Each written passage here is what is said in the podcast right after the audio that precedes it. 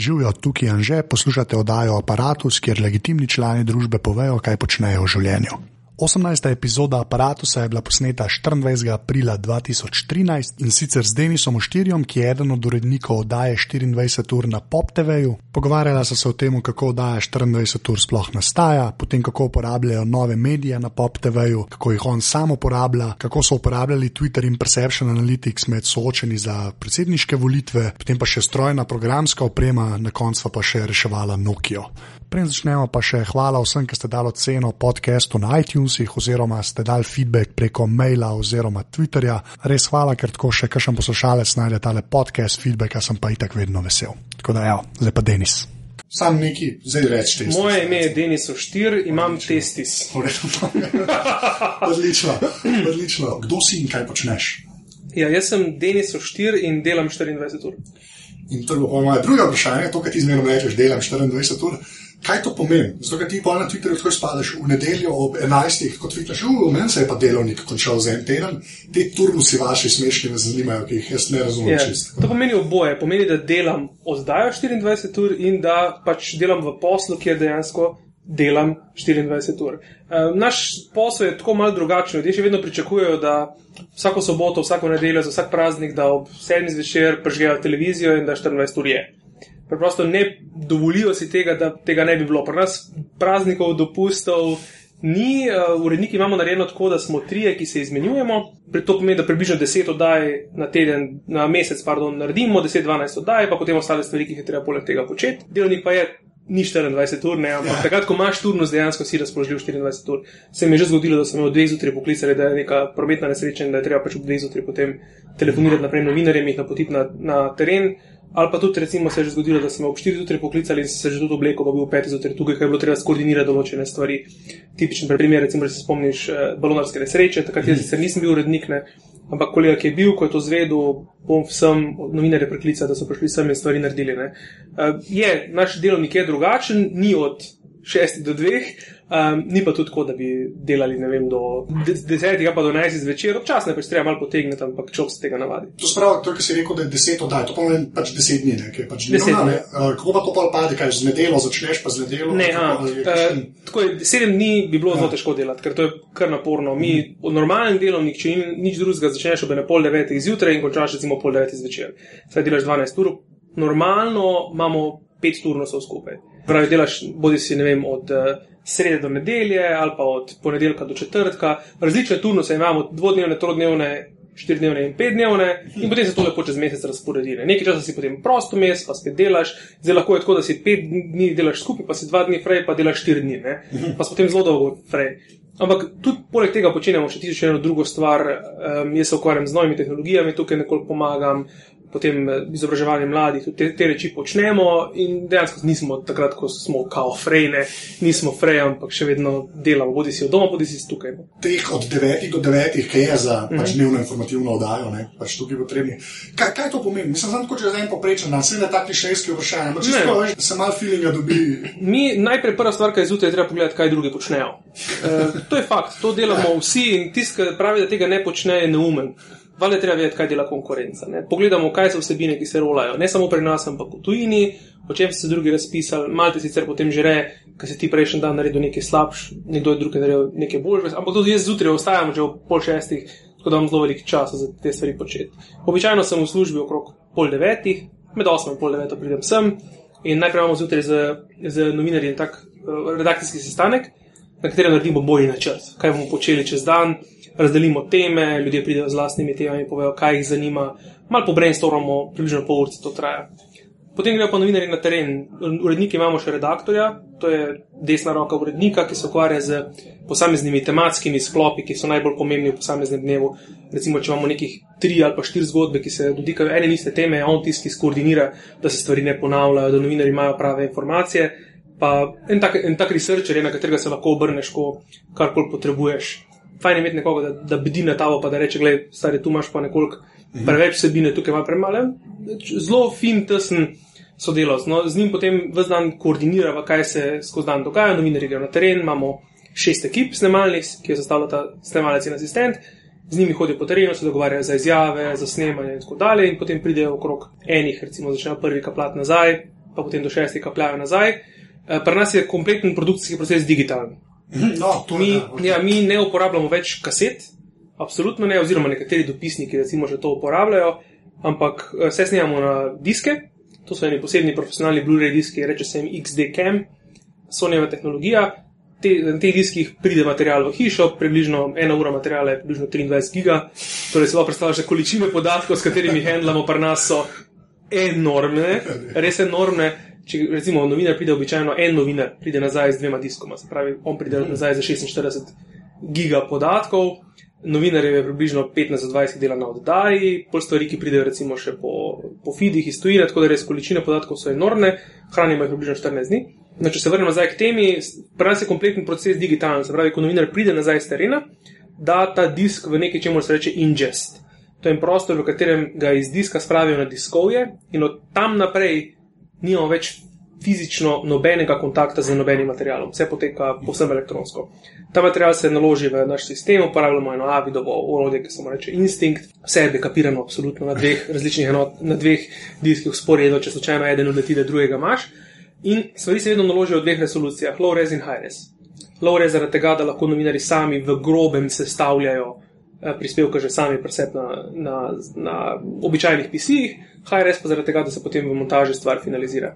Uh, novinar potem pregleda, kaj ima, malo poišče po arhivu, če je kakšen material, posvetuje se z urednikom in redaktorjem glede grafike, kaj bi se dalo narediti z, govorim, s produkcijskim grafikom, kaj bi se dalo narediti, da se prispevek še izboljša, in potem začne zadevo sestavljati. Ne? Ko ima sestavljeno, gre še posnet off, sestavi skupaj na svojem vlastnem PC-ju in gre v montažo, da zadevo pofinalizira. Ta montažer pazi, da pač rezi niso pregrobi, da se lepo prekrivajo, da ni kakega drop kadra in to. Potem se pa stvar zapakira v datoteko in se pošlje v režijo. Potem to tam na disku čaka, da ga ne sprožimo v živo v oddajo. No? Ob dveh imamo še en sestanek, ki se mu reče v bistvu popodanski realizacija. No, Pozabil sem ime. Imamo nek posebno ime za sestanek, imamo ne vem, kako se mu reče. Pa sestanek ob dveh, ok, vredno. Sestanek ob dveh, na katerem se sredemo še z voditelji, še malo prediskutiramo, da vidimo, če je mogoče kakšna tema, ki je bolj pomembna, kot smo mislili zjutraj, da bo pomembna. E, približno sestavimo potem rundown, rundown rečemo mi scenarij oddaje. Sestavimo, kaj bo kje, približno vidimo, kaj bi se dalo pojačati in tako, pazimo na dolžino in potem se pripravljamo na oddajo, ne, z voditelji gremo določene stvari skozi goste, grafika s grafičnim producentom, lektorce.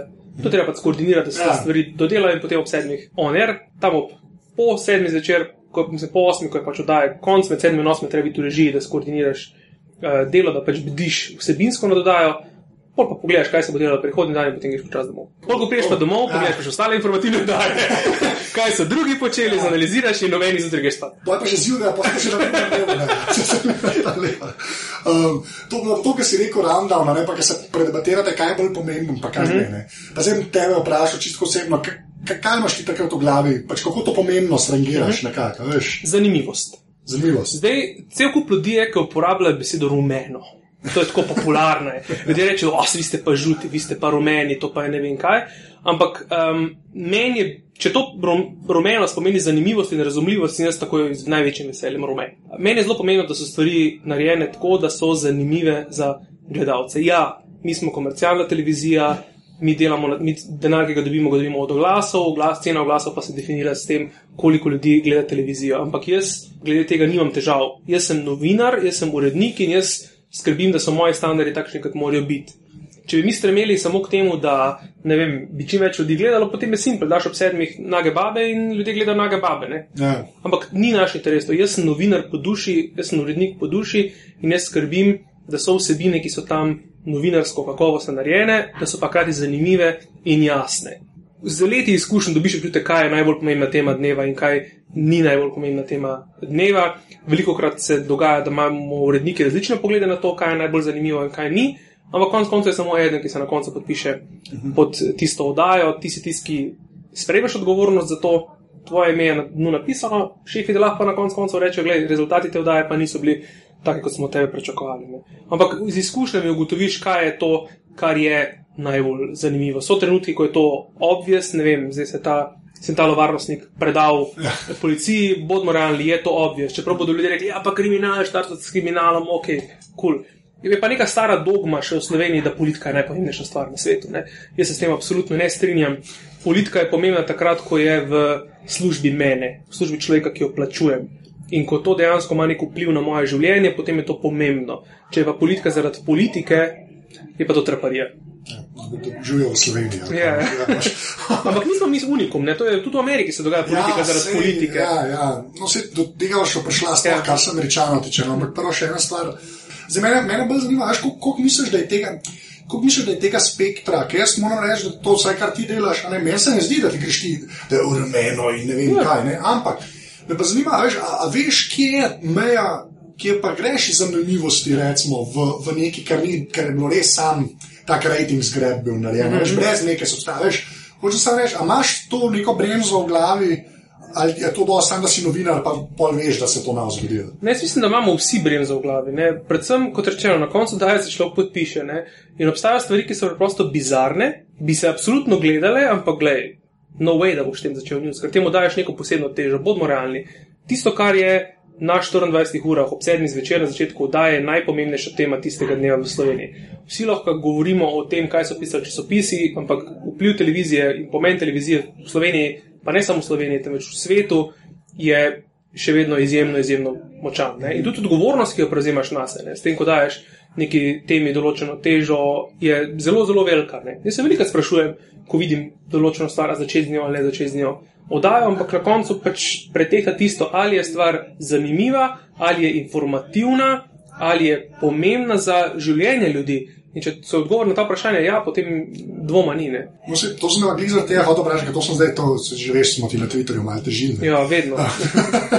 ne, ampak smo se, jaz sem se, jaz sem zavisel in stavil lani, šlo in pa z Lino Kožo smo se ti za, ker so bile volitve, ne. To zanima, to veže 24 ur, ampak zaradi tega sem mislil vprašati, eh, ker so nas soočenja, ne. Ja. To je pa un perception analytics. Tako je. Veš, glik, glik, ta je bila, tudi to, kar si rekel, ne. Ker Nina je takrat rekla, ja, vse ljudje pač, to je na TV-ju, ne, kao pač, da, ti, ti si pa tudi rekel, da je neka odgovornost na Ja. tvoji strani, ne. In jaz med, v tej tenziji, ne, a veš, a boš dal neki na TV, pa ne folk sam dojame, kaj je vredno, pa kaj ne, ne. Pa kako iz vaše strani to zgleda. Ne? Pa ne, zdaj nam, da boš Ne, zagovarjal. ne, ne, ne me ne tako razumeti, ampak Ja. ja. veš, odgovornost, ki jo jaz prevzamem za tem, da nekaj dam, je, da se jaz spostaviš svojo faco po svoje ime. No, no, sej, sej, Treba je razumeti, ja, ja, da, ja. ja. da je to absolutno, ljudje premlevamo te reči. ne. Um, Perception Analytics je tipičen primer. Ne? Jaz vem, Ja. da po prvi oddaji je bilo to uno. Wow. Jaz sem bil gnoj, gnojev, jaz sem bil kreten, idiot, manipulant. Po mojem, ni predelnika v Sloveniji, da ga nisem bil deležen. Pač v redu, sem to vzel, vzel na sebe, zakaj? Ker sem bil prepričan, da to, kar počnemo, je dobro. In mi nismo počeli nič drugega kot to, da smo merili, kaj ljudje mislijo. Ja, in zdaj, zdaj, ampak zato, ker je to pač aparatus, ne, ki se da v takih Ja. ja. skulnih zadevah pogovarjati. Ne. Meni je tam, meni ni to, meni sta dve, dve zadeve Ja. zmotile tam. Pa ne zdaj, da si bil manipulator ali nekaj, ampak glih to, kar si rekel, ker ima, jaz, jaz, jaz vem, da ima TV tako težo. Ne. In so bile tam na teh soočenjih, ki so bila relativno pomembna takrat, ne, v tisti fazi, ne, so bile neke cifre zraven, pač pac od kandidatov, ne, ki mogoče z neko resno realnosti v smislu analize ne, niso imeli toliko veze, zdaj o tem se da debatirati. Ja. In druga stvar, ki je zotila, in gledaj malo hvala, ampak poslušaj, je pa to, ker pač to nisem si predstavljal, da boš ti delal. Uh -huh. Až ga hočem reči. Jaz, jaz sem imel s tistim večji problem s tem, zato ker to vsakmo sem pa rekel, zdaj mi je rekel, ja, ker je štir podpisan spod, jaz pač bolj ok gledaš, ali pa kje je Eva Kubeja, ne, ker kdo drug mogoče ne, nisem jih napaljen tok, ne. Ja. Až in to me je presenetilo, zato sem te odobril, ker si rekel, da ste delali dobro, ne. Mislim, zakaj misliš, da je bilo tisto dobro, oziroma, a veš, mene se mu zdaj upravičujem, ker to res ni bil point, ne. ampak res tako, res me zanima, zakaj je bilo Glej, tisto, ja, povej. Če smem, kako izgledajo soočenja, kako so izgledale soočenja v Sloveniji vedno doslej? Imel si, ne da ti pojasnim, Ja. imel si neko soočenje in na koncu soočenja si spravil v studio tri analitike, ki si jih izbral po nekem blazno individualnem ključu. Se pravi, nekdo je sprejel odgovornost, da je povabil tri analitike, ki so potem komentirali nastop kandidatov. Zdaj pa vprašanje, komu ti bolj zaupaš? Komu bi ti zastavil svoje ime? Trim analitikom ali približno 30 tisoč ljudem, Ja. ki pišejo na Twitterju. Plus, treba je vedeti nekaj. Mi nismo počeli nič drugega, kot poslušali, kaj se dogaja. Ljudem smo vse čas razlagali. To ni javno mnenjska raziskava. To je izključno in samo naše dojemanje tega, kaj se dogaja na Twitterju, na Twitterju in odprtem delu Facebooka, kaj ljudje pravijo o nastopu kandidatov. In najbolj nesmešno, najbolj ironično je, da nam je vse čas kaza- kazalo, da pač je Borod Pahoj priljubljen. Vsi so nas tega, zaradi tega ne vem, natikali na kol, eh, pošiljali v Avšvic, mislim, grozljive stvari. Ne, verjamem, jaz sem bil deležen res Ja, Vidiš ene stvari. bravo, takrat, Naši ja. partnerji na uh, Gamma System, oni so bili tik pred tem, da rečejo, oh, kaj se to dogaja, zdaj, gledaj, verjemite mi, na televiziji delam že 14 let. Vem, kako se nova tehnologija upeljuje. Vedno so problemi. Ljudje imajo vedno do njih odpor. Zakaj? Ker živijo v nekem svoji zoni lagodja. Isto se nam je dogajalo, ko smo vreme upeljevali. Zakaj smo imeli včasih 11 ikon, zdaj jih imamo pa 9? Kako je to možno? Zakaj imamo bele oblake, prej smo imeli pa sive oblake? Ja. Zakaj imamo okroglo številko, prej smo imeli pa kvadratno številko? Na televiziji je to vedno problem. Sej, jaz sem un, ki je še z dvema naredil ta nov sajt od Radia študent. Ja. Nočeš, brati unih mailov. Ne, to je- sodelavci. Sa- Sam poznaš, vedno, so, vedno Ja. ljudem spremembe nikoli niso blizu. Ja. In mi nismo naredili nič drugega kot pokazali orodje, No, ampak glej, izjemno dobro ja. orodje, ne, ki zna res, mislim, za njim stojijo ljudje iz inštituta Jožef Stefan. To je vse štekam. Jaz mislim, ja. ampak meni sam še ta star, sam še ena taka, tudi malo miskuljna. Ampak to, kar si rekel, veš, ko prevzameš odgovornost, ne. Pol tudi recimo rečeš, da bolj zaupaš temu perception analyticsu, pa to.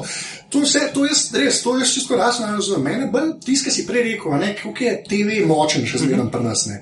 In na eni točki je bila tam slika od zvera, bom zvera izpostavil, pa je bilo zraven 7% številka, Ja. ne. A veš, ko, Odsosko ni bilo nikoli, brez absolutno. No, no, okay, ampak veš, kaj hočem reči? Mislim, da je bila, veš, ko on je imel, ne vem, N, ta je imel pa N minus 27, a veš, Ja. ne, a ne.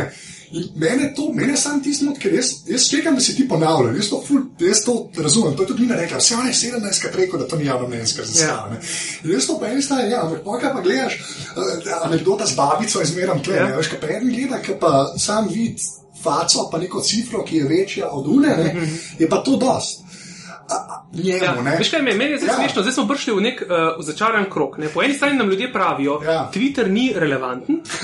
Pazi, i, ti Ja. isti ljudje mi pravijo, Twitter ni relevanten, po drugi strani mi pa pravijo, Twitter je, to- ima totalno tako vpliv, da so ljudje šli voliti Borota Pahorja. Ja. ja, če, Ja, ja, kaj je zdaj res? A veš, to se, je, ja, se to, to je res. In jaz sem glih zaradi tega, ker ta Twitter tako števa. Veš, na Twitterju v Sloveniji se je ena zelo zanimiva zadeva zgodila. ne.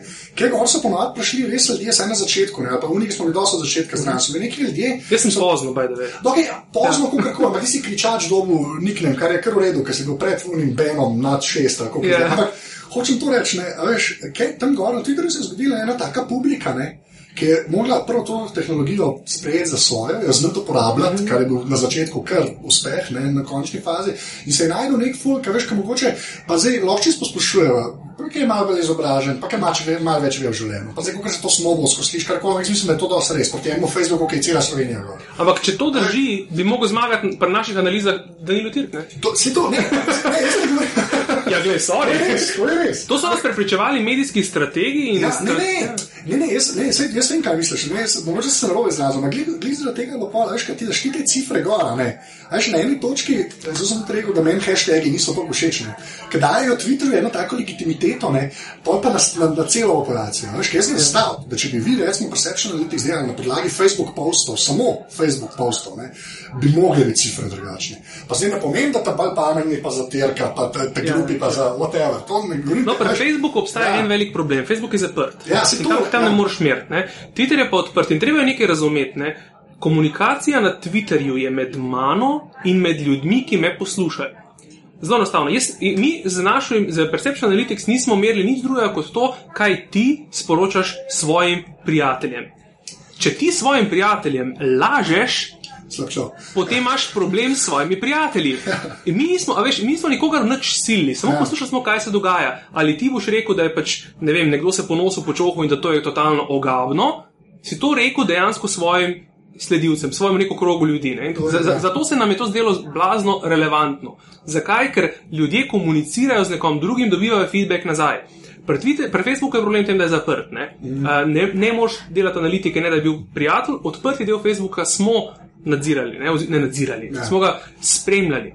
Problem odprtega dela Facebooka pa je, da tam ni komunikacije, so samo statementi. Mm. Ljudje rečejo nekaj, ampak tega je zelo, zelo malo. Primer, ko Ja, primerjalno, se to mi je jasno. saj to sem 98 vedel. odstotkov, 2 Jaz sem čisto, odstotka, jaz ja. sem bolj na publiku, mislim, ampak to je vse. Ampak pa, kako pa misliš, da je treba še zmeraj, tudi zato, ker je nova tehnologija. Mm -hmm. Zdaj pa recimo, da se to kupne, pa da je to kul, ker Ja. jaz mislim, da je, ampak ne mogoče ne v tej obliki. No, to Ja, ja. mogoče bolj. Ampak kako- s čim pa misliš, da bi bilo treba to obtežiti, oziroma kaj bi mogli to dopolnjevati, recimo, prvemu soočenju? Ne? A misliš, da je en, na eni točki lahko samo to dost? Ja. Pa zdaj govorimo naprej, ja. Ja. da, je, da je to dost. Ja, jaz mislim, da je Ja. ja. to dovolj. Um, Je pa treba zadevo pametno uporabljati. No, se to, Ne kaj to pomeni? Kaj ta pomeni ta pametno uporablja? Se to me Ko najbolj bomo zanima. enkrat prišli do tega, da bo v Sloveniji na, na Twitterju 100 tisoč ljudi nič več zraven poleg tega uporabljati. Ne.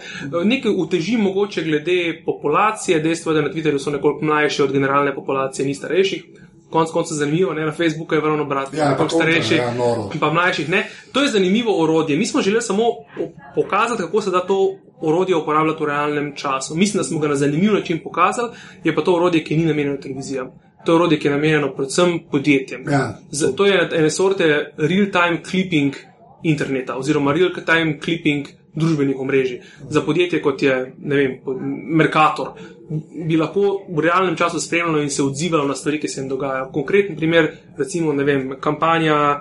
Um, Simobile, že se spomniš, Simobile je imel eno kampanjo z gospodom, pa z obje, pa Aha, ja, ja. to in odziv je bil grozljiv, ne, ampak nihče tega ni spremljal. Mogli so dejansko na roke iti poiskati, aha, uh, ljudje se bunijo, da mi nekaj naredimo. Če imeli nek, nek tak sistem, ki bi v realnem času analiziral stvari, ki se dogajajo, videl, da je perception ljudi do tega negativen, bi lahko odreagirali bistveno hitreje, če je imelo pametno nastavljene filtre. In v tem smislu se mi zdi to orodje tako pred časom. Res, resnično je pred časom, ne? zelo, zelo dobro orodje. Jaz sem še vedno navdušen nad tem, da zmore dejansko povedati, ne samo štet. Vsi sistemi, ki jih imamo mi danes, štejejo. To orodje pa reče Ja. thumbs up ali pa reče thumbs down. In to je tisto, kar je, to je, tisto, kar je totalno uh, meni wow, predvsem stvar. No, zdaj pa še eno stvar, ki si omenil, ne, ta prav uporablja, ta, veš, ta, ta prav beseda. Ne, ker jaz sem tu zelo velik uh, believer te, tega prav. Ne. In zato mi tudi, ko meni fascinantno v Sloveniji, ne, ker imamo neko protivtež javnega zavoda, ne, a veš pa jaz, da se ne reši delom, ker ti se to svoja zgodba. Ja. Yeah. Kako, pa pač te komercialce, ne, Ke vi, vi saj kle 24 ur, jaz sveta ne bom omenil, ne vem, kako kdo kle tepo v tej hiši, ampak. Pa zakaj? Hočem- Svet je, svet je našel svojo tržno nišo, Je najlepša- našel je gledalce in dela ampak zgodbe. Tam jaz teže rečem, da se prav dela. Kot jaz to besedo razumem, Ja. ja. Recimo, kot pa 24 ur, ker pač je razlika. Zdaj, če jo ne vidiš, pa jaz ne, ne, ne ti, če jo ljudje ne vidim, vidijo, ne, a veš, ok, whatever. Ampak ok, tržna niša, whatever. Mene bolj to zanima. Um, uh, iz kakšnega backgrounda si v bistvu prišel delati pol uh, pač TV? Veš, ima neke svoje zakonitosti. Nekaj, veš, novinarstvo se učiti, ne, je tak, zelo taka župa. Ne. Zdaj, Mene bolj zanima, veš, iz česa si ti prišel, pa kaj pol te ta prav pomeni na televiziji. No? Meni je bilo tako, da jaz sem leta 99 sem začel tole delati. Bilo je tako, da sem na vajah nekaj delal stvari, prvič je rekel, a bi ti prišel k nam na prakso. Sem prišel na prakso, prvi dan sem gledal, drugi dan sem mogel iti na prispevek. Šel sem v Radovljico, tam je bila neka tožilka, je imela nek spor, nimam pojma. Šel sem na teren, zadevo posnel, potem je Vesna Drole, ki je zdaj PR-ovka, ona je včasih pri nas delala, ona je zdaj PR-ovka na NPU-ju oziroma na, mislim, na generalni policijski upravi. Ona je takrat potem prebrala ta prispevek, ker nisem, nisem smel, ne, in tretji dan sem delal že prispevek sam. Ne. Um, vedno sem bil kot študent, se veš, študent novinarstva, to je ono, jaz sem delal na sobotni prilogi. Ja. Veš, če se pisi, to tega to. sem to je vprašal. televizija, to je nek no, Hollywood, pa to ne. Moja ljubezen je nekdaj bil radio. Jaz sem si vedno želel delati na, delati na radio. Delal sem na radio, ampak radijsko novinarstvo. Ne radijsko moderatorstvo, ampak radijsko novinarstvo v smislu reportaž, to, kar dela uh, This American Life, to, kar dela uh, NPR, se pravi radijsko novinarstvo, ampak tega v Sloveniji ni. No, Edini, ni- ki to počnejo, ja. Val 202 recimo počne dobre reportaže, tam je, um, kako je že imel? Pravotnik, pa Ja, pa una, ja. una kravžasta, kako je že. A Maruša, ta mlada? Ne, ne, ne, ne. Pa vem, koga misliš, pa ne vem, Ja, kako se ne vem več. pač delajo res Ja. ja. zelo, zelo fine radijske reportaže. Nek, me je to, jaz se spomnim ene radijske reportaže, ki sem jih poslušal na valu o kravi manekenki. En eh, človek z Gorenske, mislim, z Gorenje vasi, uh, ima krave goji in potem dela krave tudi na lepotno tekmovanje. In to je bilo meni tako genialno, veš, uporabljati zvoke na radiju, ker je treba res na slikovit način, ker nimaš slike. ne. Ja, ja. No, in jaz sem v bistvu potem ugotovil, da na televiziji se da isto početi, ampak bistveno lažje. Ker imaš sliko. Ker je slika, ja, ja, je pa po drugi ja. strani blazno ve, več ovir, zaradi katerih mora biti človek kreativen. Prva stvar je dolžina, ne? na, radi, na televiziji si omejen si 100 minut, 30 in to je to. Omejen si s tem, da moraš trpeti napake drugih. Recimo, snemaš pogovore, ljudje nimajo zbranih misli, delajo težave, eh, prekinjajo stvari, treba jih je rezati, treba jih je krajšati, treba je izkoristiti to, kar dobiš. In tretja stvar, ki je problem, da je problem slika. Ne? Če slike ni, potem se nekaj ni zgodilo. In so neke določene omejitve, hkrati so zaradi tega izzivi. Jaz sem se našel v televiziji, ugotovil sem, da mi ta format odgovarja, ker treba pripovedovati, kaj za sliko, posebej sem pa začel uživati v živi televiziji. ne. Delati, no, delati v to živo. te mislil vprašati. Ja.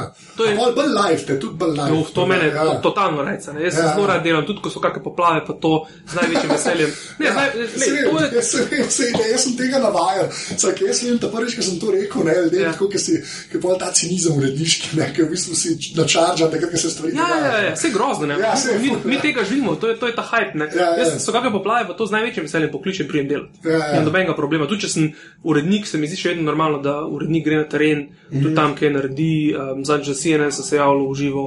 Ja, to sem videl, pri Questu, ne. Pri Questu, ja. Določene stvari, veš, to uživam, rad to počnem, uživam Ja. je top delati. Sploh se v živo javljati, opisovati, reportaže početi. To, ne. No, zdaj, ki so šla Questa, pa CNN, pa Mhm. to, ne, kle, kle, da se še to malo pogovarja, glih američane, pa tam news njihov. Ja. ne. Jaz, jaz to vsakemu, kar razlagam, ko vsi pa le, Fox News, kakšni gro, ali kakšni so na Fox, Fox News. Fox dela produkcijsko najboljše. Najboljše, to je dejstvo, ja. ampak vsebina druga. Okay, Ja. To je res, produkcijsko so pa ne realni. Jaz Ja. yeah. sem, sem vsakič pav, sem jezen zraven, ampak sem pav.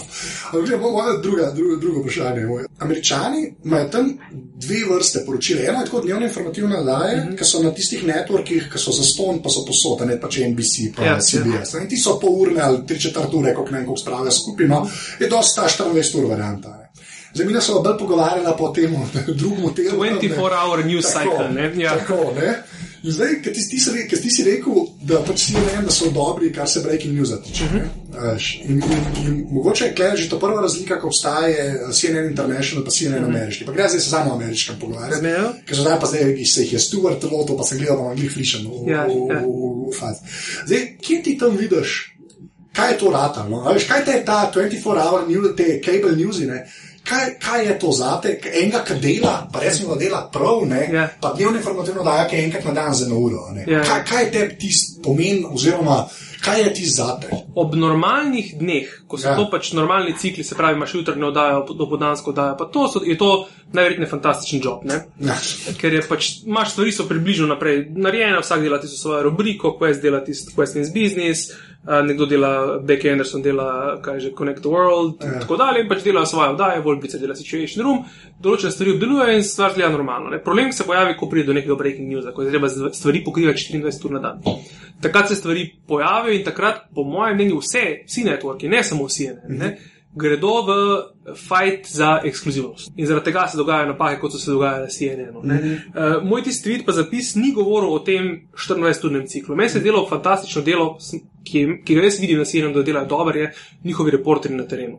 Njihovi reporterji na terenu znajo opisovati sliko, njihovi reporterji na terenu znajo najti v pravem trenutku ta prave ljudi. Njihovi ljudje v režiji znajo, ali pa ne vem, producenti znajo ta prav čas med prvimi dobiti klipe, ki se pojavljajo na YouTubu, ki se pojavljajo na družbenih omrežjih in jih spraviti takoj v eter. Njihov voditelj za mizo zna potem to opisovati. To je tisto, kar jaz pravim, da je dober. Mm -hmm. Ja, potem imaš te velike face, ki delajo traparije. Kot John King, ki svojega Blackberryja tako bere, moji viri pravijo, da so ga ujeli. Ne? Pa potem eno, let, eh, pa eno uro popravljajo o tem, da ga niso ujeli. Ne? Ja, to je tak flop, da je groza. Ja, noro, ja. groza.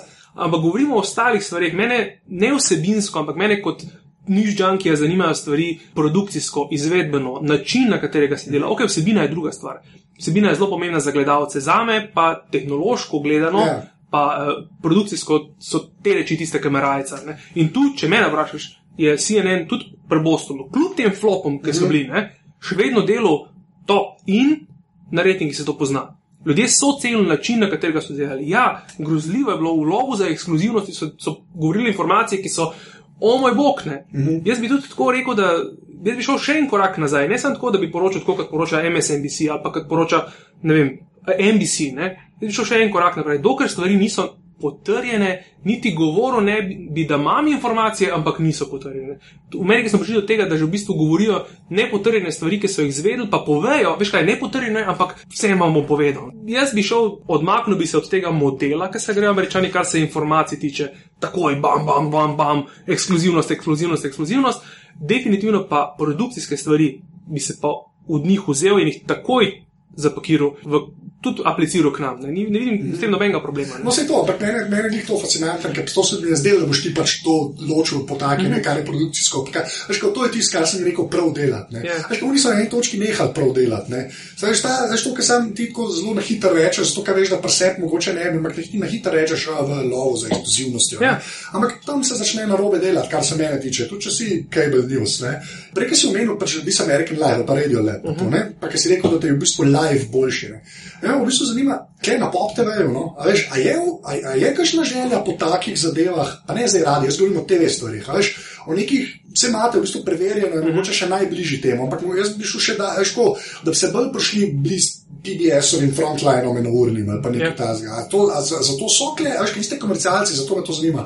A kle so resursi za take stvari, ali želja sploh za take stvari, ali je ni, Ja. ali ni dna. a veš, veš, kaj, v bistvu vi vse delate razen tega. Ne? Veš, imate Ja. yeah. eno magazinsko oddajo, imate dnevno informativno oddajo, nimate pa nekaj, kar pa zdaj samo pa eno uro obadali sušo ali pa Ja. na pamet govorim. ne. Veš, kaj, v novinarji imamo vedno to željo. Ne? Ne, se zabavam. Novinarji in uredniki bi to vedno počeli. No, se zakaj ne, no, tako, ja. To pa, bom rekel tako, vsako leto, po mojem, ko se pogovarjamo o tem, kaj bi počeli, rečemo, da bi to počeli. Ja. ne. Ampak na koncu je pač lebiga, mi smo komercialna televizija, pri nas je pomembno, da so stvari uh, profitabilne in očitno pač še niso, še niso našli modela, da bi to šlo. To, te odločitve sprejemajo drugi, jaz pri teh odločitvah nič. tako, ja, ja, jaz, mislil, kot ja. rečeno, jaz bi to z največjim veseljem počel, ker to je po mojem izzivu vsakega novinarja, vsakega urednika, da bi to enkrat počel. Uh, imamo možnost, da recimo smo že imeli primere, ko smo preverjeno celo uro posvetili eni sami temi, če se spomniš um, Korzika. Ja, res, ja. letalo ob obletnici, vem, da je Jana Kobal takrat naredila celo uro, povsem posvečeno tej nesreči. Mhm. Imeli smo že primere, ko smo tudi dva bloka združili ali pa tri bloke združili in to je na tak način, na katerega poskušamo stvari zapakirati, te, ki so nekoliko bolj obsežne, da naredimo iz njih več zgodb znotraj oddaje preverjeno. Eh, Da bi imeli še eno magazinsko oddajo, pa sam najbrž veš, da pač news je strošek največji. Ja, Se, zaradi tega, da sem hotel, ja, Je sem hotel vprašati, zdaj, ker se mi tudi zdi, da je neka taka tendenca, lahko pri novinarjih, kot si rekel, veš, da bi dejansko na te, te, te dolge zadeve delali, ne Ja. kako se obrne. Čeprav meni je, naj, Ja. ja. meni je še vedno večji rajc delati live televizijo. Živa, ja, kratke živa stvari, ima ja. itak, to jaz tudi pa razumem. Ampak, pa pa zdaj, ki si rekel, pač eh, te novi mediji ali pa kako koli temu rečeš, ki si tudi, kaj, kaj pa ti kle počneš, kaj, kaj ti od pop TV, kaj, kaj ti si kričač na Twitterju, Mhm. zdaj pa kaj pa tebe na pop TV kor po zadevi, kar se interneta tiče. Eh, Pri nas je tako, da imamo Miho, Ja, Miha, Rejc. Miha Rejc, on je pri nas urednik družbenih omrežij, um, on je zelo dober v tem, kar počne. Pred njim prišel sem, sem se jaz malo tako amatersko po poldnevih ukvarjal z Twitterjem, Facebookom in podobno. Všeč mi je, da smo zdaj zastavili zelo jasno strategijo, kar, kako se komuniciranje tiče.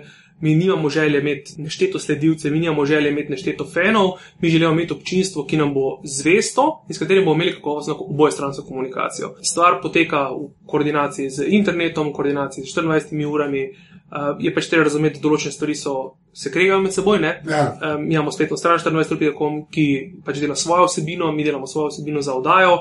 Moramo paziti, da se stvari Vse ne se križajo. ja. to se, da, ampak to se vidi, se Ja. ja. kako koli, zdaj slabo, dobro meni, ampak to, te, te stvari se ful poznajo. ne. Mi smo v bistvu razmišljali, Ja. ja. kaj, kaj početi na družbenih omrežjih. Pa smo ugotovili, da ljudi, ljudi najbolj rajcajo a backgrounderi, se stvari, ki se dogajajo v zadju, in original content, ki je kreiran izključno in samo za družbeno omrežje. Vremenske napovedi, ki so narejene custom, eh, določene stvari, ki jih novinari na terenu posnamejo sami tako zase, ali pa ne vem, eh, čist off kamere, ne, pa potem to uporabimo. Potem, kakšne te fani stvari eh, zelo radi gledajo. ne.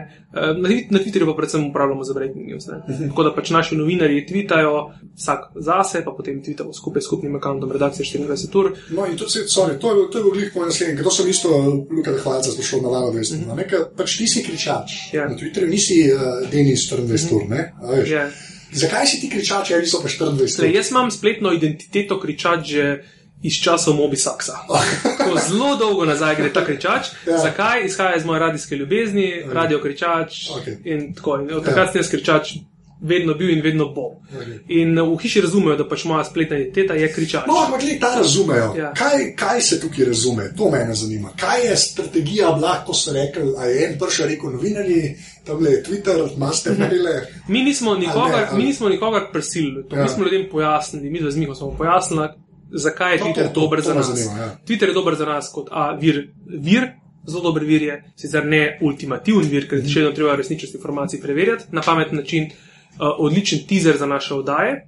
In odličen način, da ljudem pokažemo, da smo tam, da stvari počnemo in da smo ja, bom spet rekel tisto, kar ne bi smel, prvi, ne? da smo tam in da sporočamo informacije neposredno, kot se dogajajo. Ne? Ugotovili smo tudi potem, da se mora naša oddaja prilagoditi, da v, A, dobi, da, v da, da v, v dobi družbenih omrežij je informacija postala commodity. To je nekaj, kar je zunaj in ekskluzivnih informacij skoraj ni več. Obstajajo samo ekskluzivne zgodbe. Mi smo začeli news delati drugače, mi ljudem pojasnjujemo zgodbe, mi ne moramo več reči, ne vem, eh, dolg nove ljubljanske znamke, z- eh, banke sedmi zvečer znaša 300 milijonov evrov. Super. To Ja. smo lahko počeli zelo, zelo dolgo časa nazaj. Danes je pa to informacija, ki je prej ali slej že nekje v javnosti in tega ne moramo prodati. Mi moramo zdaj se vprašati, zakaj je tak dolg, kdo je odgovoren za ta dolg, kaj ta dolg pomeni, kaj se bo vse dolgo dogajalo. Se pravi, mi moramo iz te informacije narediti in-depth zgodbo in do odločevalcev, do katerih uporabniki družbenih omrežij nimajo možnosti. iti.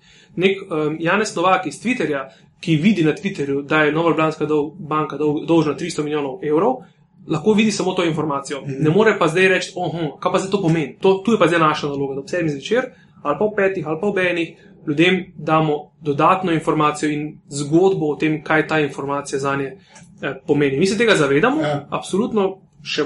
The road to hell je dolga, ne? treba še nekaj časa, bomo rabili, da do tega pridemo. Novinari so začeli razumeti, da Twitter je zelo pomemben način komunikacije, da ta breaking news, če želimo, da bodo ljudje nas še vedno razumeli kot reliable source ali pa viable source, ne? da je treba te stvari sporočati na Twitterju. Najprej je bil opor, ja pa internet, pa uno, pa sem, lej, to je, nam so ljudje, publika se je predstavila na neko drugo platformo. Zdaj mi lahko čepimo pa jočemo, ali pa gremo na to drugo platformo, pa ljudi tam najdemo in jih nagovorimo, da pač obstaja nazaj še stara platforma, kjer določene informacije so. Ne. To mi je tak tipičen primer medijev danes. Ne. Vsi sam neki, no, internet, Twitter, Facebook, kam so šli ljudje? Ja, božjo mast, pet jih poiskati, ne. Yes. Sej, sej zato mene, mene v bistvu, vi pa valjda res to dva, pa je oni so javni, mm -hmm. pa dobro, tam je tam ena skupina ljudi, ki to Super skupina, ja, oni so smešno fajn. Ne. Sej, no, imaš klik zaradi tega, veš, to, to je bilo dobro, to rekel, ne, da je začelo vplivati pol pa na, na TV oddajo, ne. Pa pa je to tudi, če sem te prav razumel, malo z roko v roki s tem, da delate in-depth stvari, Ja. da niste sam več uh, glasniki 350 milijonov, pa lahko še kaj poveš zraven. Ja. Ja. Včasih je bilo pa teh 35 milijonov, je pa ure, skitam na filo, Ja. da sam povedal, le kaj se je zgodilo, ne, ne pa zakaj. Pa. a ne. Okay, no, zdaj pa uh, gre, zdaj, ker sem lažje na. Če lahko še samo eno stvar, Ja, meni je zanimivo to, da mi smo, mi, smo se, mi smo ugotovili tudi, da original content treba ljudem dati. Ne? To, kar večina medijev, ne večina medijev, slabi mediji v Sloveniji počenjajo, je, da v bistvu Twitter razumejo pa Facebook kot nek generator trafika za svoj sajt. Ne? Ja, To je najslabše, kar lahko narediš za brand. Ne? Vse, če pogledaš, vse tiste ljudi. Ne vem, jaz, jaz od Twitterja, kot, jaz kot uporabnik, pričakujem breaking news, pa opinions. Ne? To pričakujem. Da bo pa nekdo meni rekel samo naslove zgodb, pa potem link na članek na njihovo stran, pa ej, Ja. ne, ne me zabavati, ne, ne me podcenjevati. Ne me podcenjevati, da mi nekaj, zaradi česar te bom spremljal. ne. In ker se v bistvu s Twitterjem in Facebookom se na glavo obrača medijska pozornost. Včasih je bilo zelo simpel delati televizijo in časopise. Ljudje, ljudem se je rekel, evo, zjutraj ob pol šestih ja, dobiš na vrata serviran časopis, tole je vrstni red in to je pomembno. ja, A veš, Ob sebi zvečer se ljudem rekel, usedite se v televizijo, to je pomembno. Na družbenih omrežjih veljajo pa druga pravila. Ne? Pravila so zelo simpel. Ti lahko piješ, kolikor hočeš. Pa če se ljudje odločijo, da te ne želijo slišati, te ne bodo slišati. In mi moramo postati res kuratorji vsebin, dajati težo določenim vsebinam, podajati zgodbe, in-depth informacije. To je edini način, da nas bo ljudje razumeli, da bo ljudje nas spremljali tam, da jim bomo Ja. dali original content in da jim bomo tukaj potem dali in-depth story. Sameš, to je veliko lažje doseči, ko si ti kričač, kot ko si Denis 420 ur. Ma niti ne. Veš, da ne? Ja, ne, ne, ni, No, niti to me ne. res zanima, ker me, jaz, Le. jaz osebno ne, trikrat lažje tebi sedim, ker je bilo 24 ur. Veš kaj je, tako je, mi smo se takrat odločili, kako ja. bomo naredili um, uh, akonte. Treba je nekaj vedeti, mi smo javne osebnosti. Ja. To je fakt. Tudi če jaz napišem, da je to moj zaseben račun, pri katerem ne želim, da me kdo karkoli povezuje, mene bo še vedno moja faca bo povezovali z oddajo 24 ur. In zaradi tega smo tudi ljudem rekli, le, lahko si vi naredite svoj račun, če želite, brez 24 ur, ampak naša policy bi bil, da če boste delali službene stvari, da se tudi na ta način ločimo od nekih privat, da tudi na ta način poudarimo, Ja. da gre za nek korpo račun, tudi če so tam zasebne vsebine. Ne? Jaz zelo mešam. Jaz na Twitterju objavljam zasebne stvari, službene stvari, joke. Ampak še vedno razumem pa, da me ljudje v vsakem pogledu, tudi če, tudi če objavim fotko mojih otrok na, na mitingu, kar sicer počnem zelo redko, to počnem na Facebooku, ki imam zaklenjenega, eh, da tudi takrat ljudje razumejo, da sem nekdo, ki dela oddajo 14 14 ur. ur, ja. No, zdaj pa peva še malo strojno, Ja, programsko opremo. Um, zdaj je prvo strojna. Okay, deva tako. Uh, Ja. PC uh, na mizi je Gericom X3. To je neka, uh, veš zakaj je pa, ne se smej. Gericom, Mislim, če Gericom slišal. Lej, lej, lej. Sorry, ja, okay, Gericom pomeni Germany Industry Computers. X, Okay. X, ne X5, pardon, Gericom X5. To je bil njihov uh, računalnik, ki je bil vodoodporen, odporen na udarce in tako, pa kovinski je cel iz magnezija narejen in uh, meni ga je urban moj sin že poscal. Aha, Pa smo ga potem upravili, pa dela normalno. Imel sem ga, eh, rabo sem nekaj vzdržljivega za na teren. Ko sem bil recimo v Ameriki z pipistrelom, sem rabo nekaj, kar je tako, da vržeš po tleh, pade po tleh, prah, voda in tako. Ne vem, se da dejansko tudi video montirati. Kompletno Ameriko sem video zmontiral. gor, Ne. To imam doma. Uh, imam sicer nek velik, ne vem, 23, 24, pač Gericom. ne, nimam Medion. Me- me- me- Iz ja, čoka. okay. Pa pa v redu. Ne, ampak do tega monitorja sem tudi prišel dobro. Nekdo ga je nazaj prinesel v Hoferju, pa je ona ženska rekla, da boste vi vzeli. Tako sem tam stal. Sem rekel, ja, koliko pa 129, sem rekel, super, 14 dolarjev, full HD. Ja, Uh, okay. to uporabljam televizijo, imam neko staro LG-jevo, um, nič posebnega, mislim, sem, da bi ucrknila, pa mi ni. Uh, je gospod serviser tem popravil ene par kondenzatorjev, teh kondenzatorjev bo zamenjal, bo LG še vedno delo, hotel sem nekaj večjega kupiti, ampak nimam sreče, da bi se mi televizor pok- pokvaril. Ja. Uh, od prenosnikov imam Surface Pro, gor imam Windows 8 Pro, full zadovoljen, 6 sekund buta, dela kašus. Okay. Telefona 2, uh, Galaxy S3, uh, po mojem bom Xperia Z zdaj vzel, pa Blackberryja še vedno uporabljam. A zdaj, zdaj ja misliš, že še Ja. nekaj sem jaz testiral, sem ga imel na monitorju. Je, v redu je. Uh, Voda pa prah, ne. Ja, Blackberryja še vedno uporabljam, ker Ja. ja. Blackberry ima še vedno BVM, je najboljša stvar na svetu, polna lučka kot tripa, pa baterija zdrži kašus. Um, fotoaparat Leica, um, uh, ja, lej, Ja, sej. O, Okay. za dušo. Človek si, nekaj, človek si nekaj za dušo more kupiti. Kaj te še zanima? Smuči, avto, kaj? Ne, ne, ne, bo to. Video, mon- video montiram v Sony Vegas Pro, Okej. fotke uh, obdelujem v Lightroomu. Pa na telefonih, kje je ape, pa v nekih res. Če gremo nazaj na računalnik, najprej. Google Docs so zakon, Google Docs res. uporabljam za vse. Uh, na telefonu Povio sem začel kanorc uporabljati. Aha. Najprej sem bil totalno orto proti, pa sem videl, da je čist kul, cool, da je fajn, zabavna stvar, pa slovenska je, ne, zakaj Aha. ne. Um, Neko sem uporabljati, kaj že on za slonček, no pomagaj mi. Evernote. Evernote sem res? uporabljati, uporabljam Keep, ker mi je bolj preprosto, zato ker uporabljam tudi Ja, tablico. sem videl, da bil napaljen. na Ja, pa tablico uporabljam zdaj Nexus 7, Okay. uh, imamo iPad doma, pa Blackberryja, imamo unga, kaj že, sem že reče. Playbook. Playbook, ej, ne zabavno, ti so super, z, Blackberry, super. z Blackberryjem dela fantastično. Ja, z Blackberry. Z Blackberryjem dela fantastično. Um, Wow, ja. Drugač pa od Apple, ja, v bistvu Keep mi je všeč. Všeč mi je Instagram, Google Goggles so en fantastičen produkt, ki se bo enkrat razvil v nekaj Ja, ampak ne neverjetnega. mogo. ne. Enkrat se bo Ampak razvil v nekaj ja, brutalno dobrega. Je res. Uh, kaj še imam? Uh, Dropbox, Google Drive, uh, uh, blablabla. to je po mojem tono. Ke, Ja, browser je. Uh, browser je uh, Chrome, Chrome, ne. Chrome zaradi sinhronizacije, najbolj simpel. Uh, v bistvu imam na, na tablici imam Chrome Beta, uh, ki ima še tudi voice, voice search, navdušen sem nad Google Now. Ja, Google Now je najboljša stvar Samo, a že- na svetu. Ja, sam raš med angliščino naštimano. Mi je ja, vse. je tudi vse. Zdaj jaz ga imam tudi, meni je odličen. Google. Now, zdaj sem bral Ja. ja. novice, da menda bo Google desktop environment preoblikoval po vzoru Google Now, s tem, kar to se mi zdi pa uno.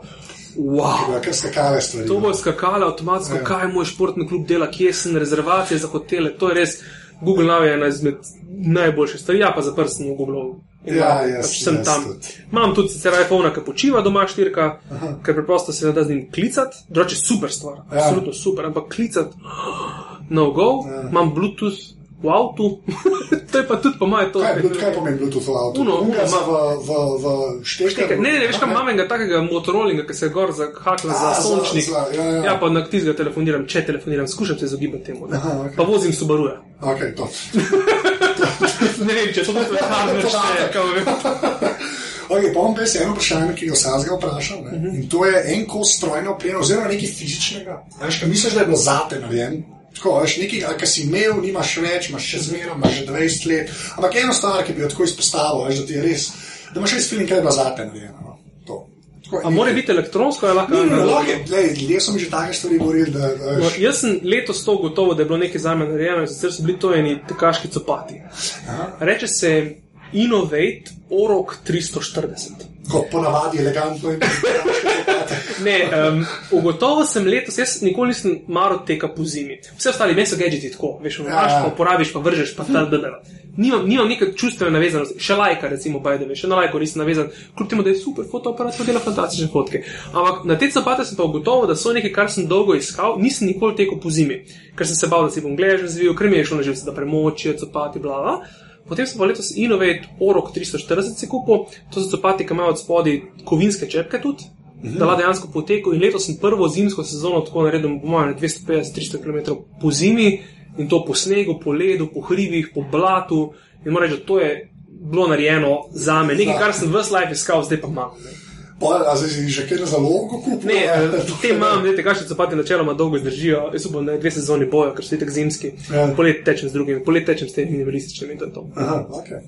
No, zdaj pa, um, zdaj pa na um. Uh, eno temo, ki jo moramo obdelati. Ja. In to je ta Ne bomo rekla propad Nokia, ker bi se preveč alarmistično slišali. Pa se je, Nokia propada. Ja, ja. ja no, to pa rečemo. Ja. Je to zmeraj težko reči. Ja. Ampak ti, ti si tudi pač opisal v bistvu zase na unu svojemu, kaj kričač, pika Tumblr. Nek Tumblr imam, ja. Ja, nek Tumblr imaš. V glavnem, no, ampak jaz sem ga tudi imel na testu, ta telefon, ki sliši ne ve, kaj je Nokia N9. Mm -hmm. Um, zdaj sem tako vprašal. Ker ti, malo se pogovarjaš z njimi, ki imajo toliko telefonov v roki, mm -hmm. veš, ki jih imaš, yeah. imaš vse več na roki. Um, Kako misliš, da, da bi imeli oni takrat šanse, ker so naredili ta mego, migo, mm -hmm. operacijski yeah. sistem? Kako misliš, da bi bila šansa, da bi ti dve leti prej? Tako da bi na devetka prišla, recimo, Apple, iPhone, ven vržene, vse to je vse ne, pa si se ja, ja, ja, razumeš. Ti tudi veš, da je to znanstveno fantastično. Ampak tako, kako misliš, da bi bila tista zadeva šansa? Nič. Nič. Absolutno nič. Nokia se je bistveno pozno odločila za ja. it, bodi si k Androidu ali pa k uh, Windowsu. Ne? Uh, da imaš lasten OS, ne vem. Ne. Migo ni bil dober, Migo je bil slab, Linux, ki je od spodaj laupa, je bil sicer fajn, ampak predvsem pa aparat je bil tako fucking seksi. Ja. Bil je seksi, ja. fotoaparat je bil tako dober, da glava boli. OS mi je šel še v bistvu vsega najbolj na jedra, ne. baterija je bila zelo slaba, ker je držala kome en dan. Mm. Ampak Nokia je meni blazno, blazno škoda, ker oni vidi se, da znajo. Ja. Znajo narediti, ne znajo pa tržiti. To je njihov največji problem. Recimo Nokia 920, ki sem začel na testu, ali 900, ne vem, eno teh ta novih. 920, neka ta velika cigla sta ja, fotoaparat, caj za boleči. Ja. To, puno snema, kšus, Windows je laufajo, smude s Helgorne, ampak ko ljudem to pokažeš, pa rečejo, kaj je Nokia, Nokia. Mm -hmm. zadnjo Nokia, ki sem imel, bila Nokia 6310i. Ja. Srebrna, ker je baterija zdržala tako dva meseca. Ja. Um, veš, ljudje danes svoj niso serious contender, ampak če bi Nokia se pista naprej odločila, da bi rekla, veš kaj, pustimo ta J. Symbian, ja. uh, pustimo ta Migo, demo skočiti na bandwagon enega od velikih dveh, bi se stvari spremenile. Ne? Oni so konec koncev kupili naftek. Njihova navigacija, ja. to je top. Mm. Navigacija, za sto navigacijo. Sploh za Slovenijo. Pa v svet, jaz sem šel ja. v Ameriko, sem šel sem si na Nokia naložil preprosto v kompletno njihovo navigacijo, vse mape, mm -hmm. stvar dela BP, ne? Oni so kupili naftek, največjo firmo. In res, potencial imajo, samo ko bi znali še to prodati. Ja. Ampak ne znajo. Ne? Jaz sem čutil, da tam so neki inženirji, ki se igrajo. Oh, jo, let's make this really cool. Pa naredijo nekaj really cool, pa rečejo, marketingari. Uh, no, pa oni so zmeraj živeli od njih takih marž, ne? oni so imeli dvomilimetrske marže na ja, ja. produktu. Ne?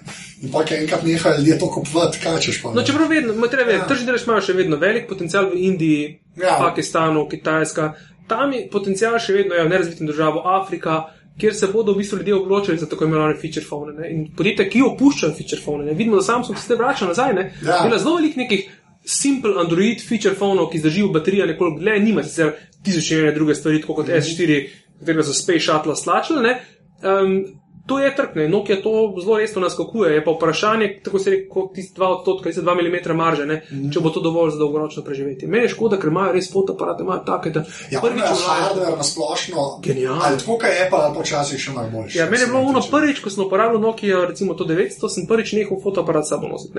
Kljub temu, da Samsung Galaxy S3 ima super fotoaparat, mm to je zelo dober, ne? ampak da ne bi sabo like nosimo, ne? no way. Medtem ko ti Pure View 410, kako je bilo tisto, kar je bilo volano. Vse, vse te stvari so tako ja. res. Združujejo naprave v eno napravo, kar je meni kul, cool, da imaš eno napravo v žepu, ne? ampak um, Nokia to ne uspeva. Jaz sicer upam, da se, da se bo nekdo najdel, ki bo naredil to, kar je um, bilo enkrat pokazano. V, mogoče bo Ubuntu to. No? E, meni se zdi tako blazno velika škoda, da nihče ne izkorišča tega, kar je v teh mičkenih napravcah. Ne? Ubuntu je imel enkrat eno idejo, če greš pogledat um, na njihovo stran, Ubuntu phone, še prednje prišel Ubuntu phone ven Tiskaj, imeli ga pa klopiš pa na koncu. Točno to, točno A, to. ja. Ker v bistvu je tako, res ni nobene potrebe, da mi imamo na svetu toliko procesorske moči brez veze. Ti recimo zdaj imaš na mizi računalnik, hkrati imaš tule um, mobilnik, hkrati imaš še enega najverjetneje v žepu, vse to ima svoj procesor. Kljub temu, da vedno uporabljaš samo eno napravo hkrati. Zakaj za hudiča v sabo, nos, sabo nosiš gigarama, štir, štir Tle, dva, procesor, ok. no pa recimo 2 gigarama, 4 jedrni ali pa 8 jedrni procesor, ne, Mhm. stvar je, no, človeka smo, bomo, smo na Luno poslali z tisočinko tega, ne, a ne bi bilo kul, cool, da priješ domov, preklopiš in to isto napravo uporabljaš na nek drug način. Vsi poskusi, ki so bili narejeni, je tako, da so pač samo preslikali okolje na nek velik zaslon. Ne. Mogoče je tu tisto, kjer bi Nokia lahko nekaj naredila, ne? ker oni imajo izkušnje. Včasih je Nokia televizija delala zelo dolgo nazaj. Ne? Ja, pa monitor. Pa tudi to, ne, veš, da bi recimo naredil neko napravo, ki bi jaz prišel z nekim telefončkom domov, ga proklopim v dok, ampak potem ne uporabim tistega na mizi, ampak na mizi, ki je prilagojeno za delo z miško in tipkovnico. Potem pridem pa v službo, ga pa vedam v drug dok, pa ker rabim, ne vem, za video montažo nekoliko močnejšo grafično kartico, je v doku grafična kartica ali pa eksterna grafična kartica. Mm. Treba pa sve, da imamo doma naprave. Jaz imam doma, ne vem, 25 naprav, ki ima vsaka svoj procesor, vsaka svoj RAM, vsaka svoj pomnilnik. Vedno pa uporabljam samo eno naenkrat. Zdaj, zdaj se tako rešuje, da so vse sinkane. Pri Googlu malo boljš, kak je drugje. Ja, ampak veš, zakaj, zakaj sinkati, zakaj uporabljati elektriko, zakaj uporabljati eh, resurse, če ni treba? Jaz ne rabim v hiši imeti štirih procesorjev, jaz rabim imeti enega, ker enega naenkrat uporabljam. Je pa res, da ta en procesor uporabljam na štiri različne načine. Tudi Ubuntu sem probal, by the way, na Ja, Nexusu. ja, sem videl, na Nexusu, Zabavno, ne. Ja, zabavno, ja. zabavno zgleda, mislim, za ljudi, ki uporabljajo, jaz imam tudi doma na Sem določenih kaj že spet Apple now. Um, itak, ne. jaz, app, jaz mislim, da Apple bomo počasi preživeli, da bo vse šlo v browser. Ker ni nobenega smisla, Ja, ker samo dva nismo še tam, ne. Prej slej bomo. Ja, Ker, recimo, če gledaš, eh, so bili že narejeni tudi Facebook, um, HTML5.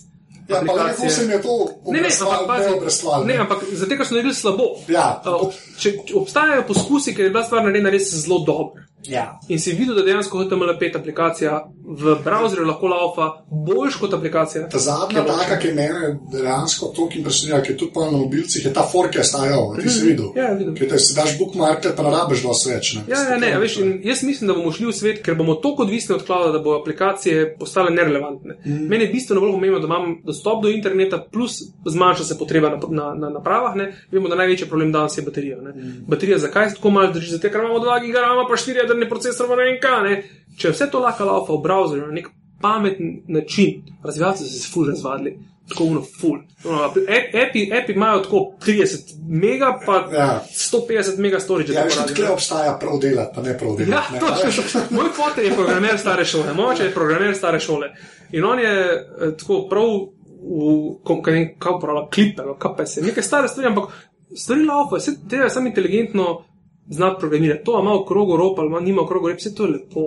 Ampak ne morem zaradi tega jaz napraviti toliko bremen, da se mi segreva zadnji del iPhona. Ja, iPhone, ja, točno to. je. Uh, to je to, več ali manj. Hvala lepa. You are welcome. Ja, zdaj ne govorim več ljudem, kje so na koncu, ker je cifra tako zrasla, da me Matej znan za ebo, pa je rekel, da je v 17, tako ti si 18, zdaj sem že spet rekel, ampak naslednjič pa ne znaš tega. Okay, ja. V glavnem, hvala še enkrat. no. Ja, Hvala to tebi. to. Čau. Tole je bila 18. epizoda aparata. Denisa najdete na Twitterju pod Afna Kricac, jaz sem na Twitterju Afna Anzet, mail, kamor lahko pošljete svoj feedback je anzeafnaaparatus.si in vse ostale pogovore najdete na dvojni v dvojni v dvojni v aparatus.si, dva pa sta v imenu in na podcast se lahko naročite preko RSS vera oziroma iTunesov, pa če boste to tam naredili, dajte še kakšno oceno. Evo, to je do naslednje srede to. Čau!